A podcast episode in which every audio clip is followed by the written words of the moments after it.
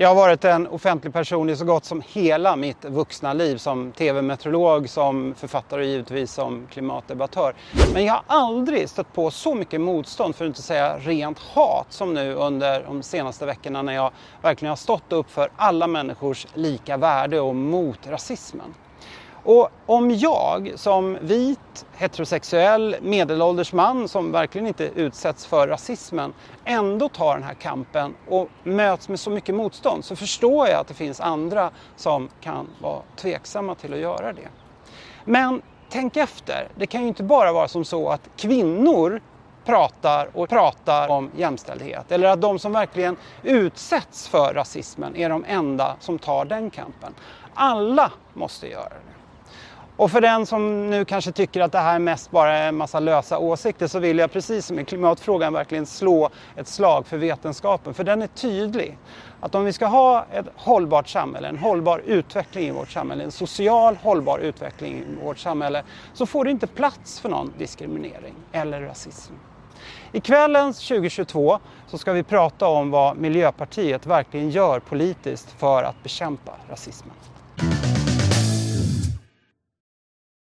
För att besvara frågan vad vi miljöpartister gör för att bekämpa rasismen så är det bäst att vi delar upp det på nationell nivå och på EU-nivå. Ja, det låter som en bra uppdelning och eftersom vi inte har oändligt med tid i det här formatet så får vi vara lite överskådliga. Mm. Men de av er som vill läsa på mer, grotta ner sig i de här frågorna så kommer det finnas länkar i våra sociala medier.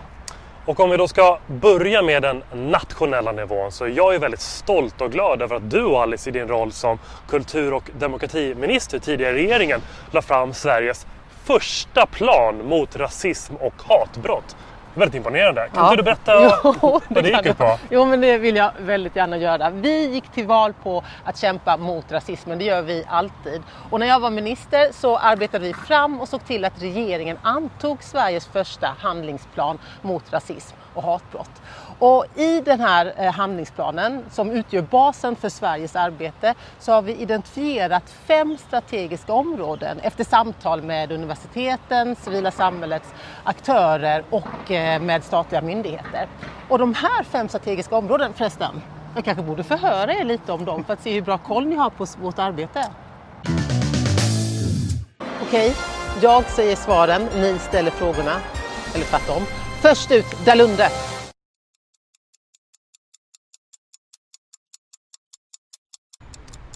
Eh, eh, jo, men eh, skolans uppdrag blir då att barnen ska lära sig om grundläggande demokratiska värderingar och mänskliga rättigheter.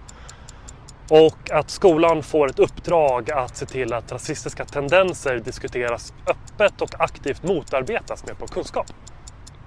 Mm, eh, fortsätt. Ehm, jo men biten om kunskap handlar ju då om att man ska se till att alla vuxna som arbetar på arbetsplatser där man antingen jobbar med rasism eller med människor som utsätts för rasism som Arbetsförmedlingen, polisen, eh, skolan, att de ser till att där finns det kunskap om hur man arbetar mot diskriminering och mot strukturell rasism. Mm. Forskningen då? Ehm, jo, men biten om forskning handlar om att det antirasistiska arbetet inte bara är en fråga om värderingar utan att vi också måste se till att med vetenskapliga metoder hitta de bästa sätten att eh, förstå hur rasismen fungerar och de bästa metoderna för att motarbeta den. Och då behöver vi mer vetenskap och forskning. Mycket bra Jakob Holmgren.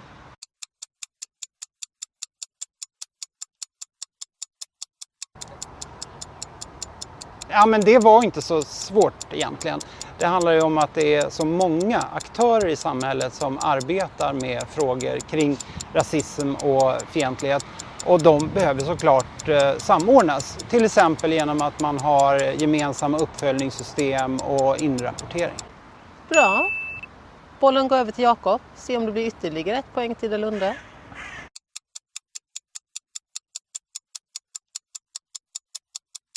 Ja, så nu är det en match alltså. Ja, men det här tror, tror jag nog att jag kan.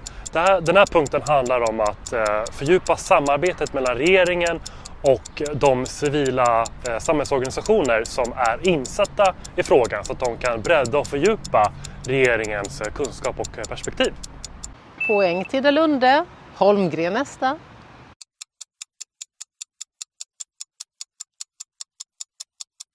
Ja, som jag har blivit medveten och uppmärksammad om det här under de senaste veckorna, de senaste avsnitten vi har gjort. För det här handlar ju verkligen om att vi måste förebygga och förstärka skyddet när det gäller rasism och hot och hat på nätet.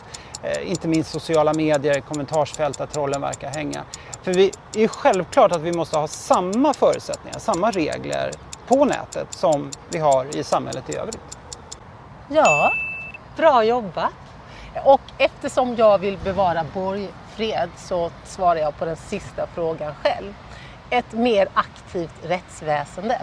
Och den här delen av den strategiska planen för det nationella arbetet mot rasism, det handlar helt enkelt om att vi måste öka förtroendet för polisen, för åklagarmyndigheten och för hela lagstiftningsprocessen.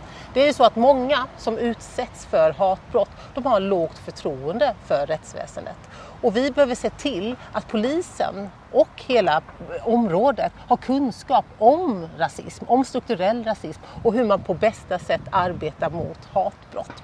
Och just nu så är det vår kära vän, partikollega och jämställdhetsminister Åsa Lindhagen som driver det här arbetet vidare från Sveriges regering. Nu tar vi EU-nivå. Jo men på EU-nivå så har vi då ett väldigt viktigt lagstiftningsförslag för att hantera de här frågorna och det är antidiskrimineringsdirektivet. Men det är tyvärr blockerat av ministerrådet mm. sedan 2008. Ja, Nej, men det är ju ofattbart och mm. oacceptabelt. Det finns ingen lagstiftning på EU-nivå mot diskriminering utanför arbetsplatsen. Därför att några länder har sett till att man inte har nått enhällighet för att få det här att bli verklighet. Nej, det är minst sagt märkligt. Utan att gå in på alla detaljer i det här arbetet så kan vi i alla fall konstatera att du Alice är ansvarig för att leda det här ifrån parlamentet när det gäller att ta bort den här blockeringen. Ja, ja tungt uppdrag. Ja, men det är otroligt tungt och stort. Och det, jag ser fram emot detta. Och inom kort så ska jag prata med Tysklands representant. Därför att Tyskland kommer ju snart bli ordförande för eh, EU och då ska jag försöka få dem att eh, se till att eh, rucka på den här klippan och försöka få medlemsländer att ge upp den här eh, hållningen att de inte vill se den här lagstiftningen på EU-nivå. Ja, och det här var tyvärr allt som vi hann med ikväll. Men det finns såklart otroligt mycket mer att läsa på för den som är intresserad. Ja, för kampen mot rasism, den är bred och stor och den är komplex. Men den måste också bedrivas ur ett, eller från ett, eller med ett intersektionellt perspektiv för att verkligen lyckas. Alltså det innebär alltså att det finns ju olika diskrimineringsgrunder som kan förstärka och förvärra varandra. Så att det finns en diskriminering i diskrimineringen. Ja men precis, man kan ju vara svart homosexuell och ha en funktionsvariation. Och då blir ju diskrimineringen i diskrimineringen någonting som gör det än svårare att få sina rättigheter tillgodosedda. Det måste vi tänka på. Jajamensan. Och den här kampen måste ju alla stå upp för. Även vi vita medelålders män som sitter på alla privilegier. Och att sitta på massa privilegier, det behöver inte alltid betyda att livet är enkelt. Men i ett land som Sverige så innebär det till exempel att det är en stor fördel att vara vit. Verkligen. Och vi tre politiker, vi lovar att göra allt vi kan för att de hundratusentals människor som har röstat på oss, att de ska kunna lita på att vi tar kampen varje dag för antirasismen. Ja.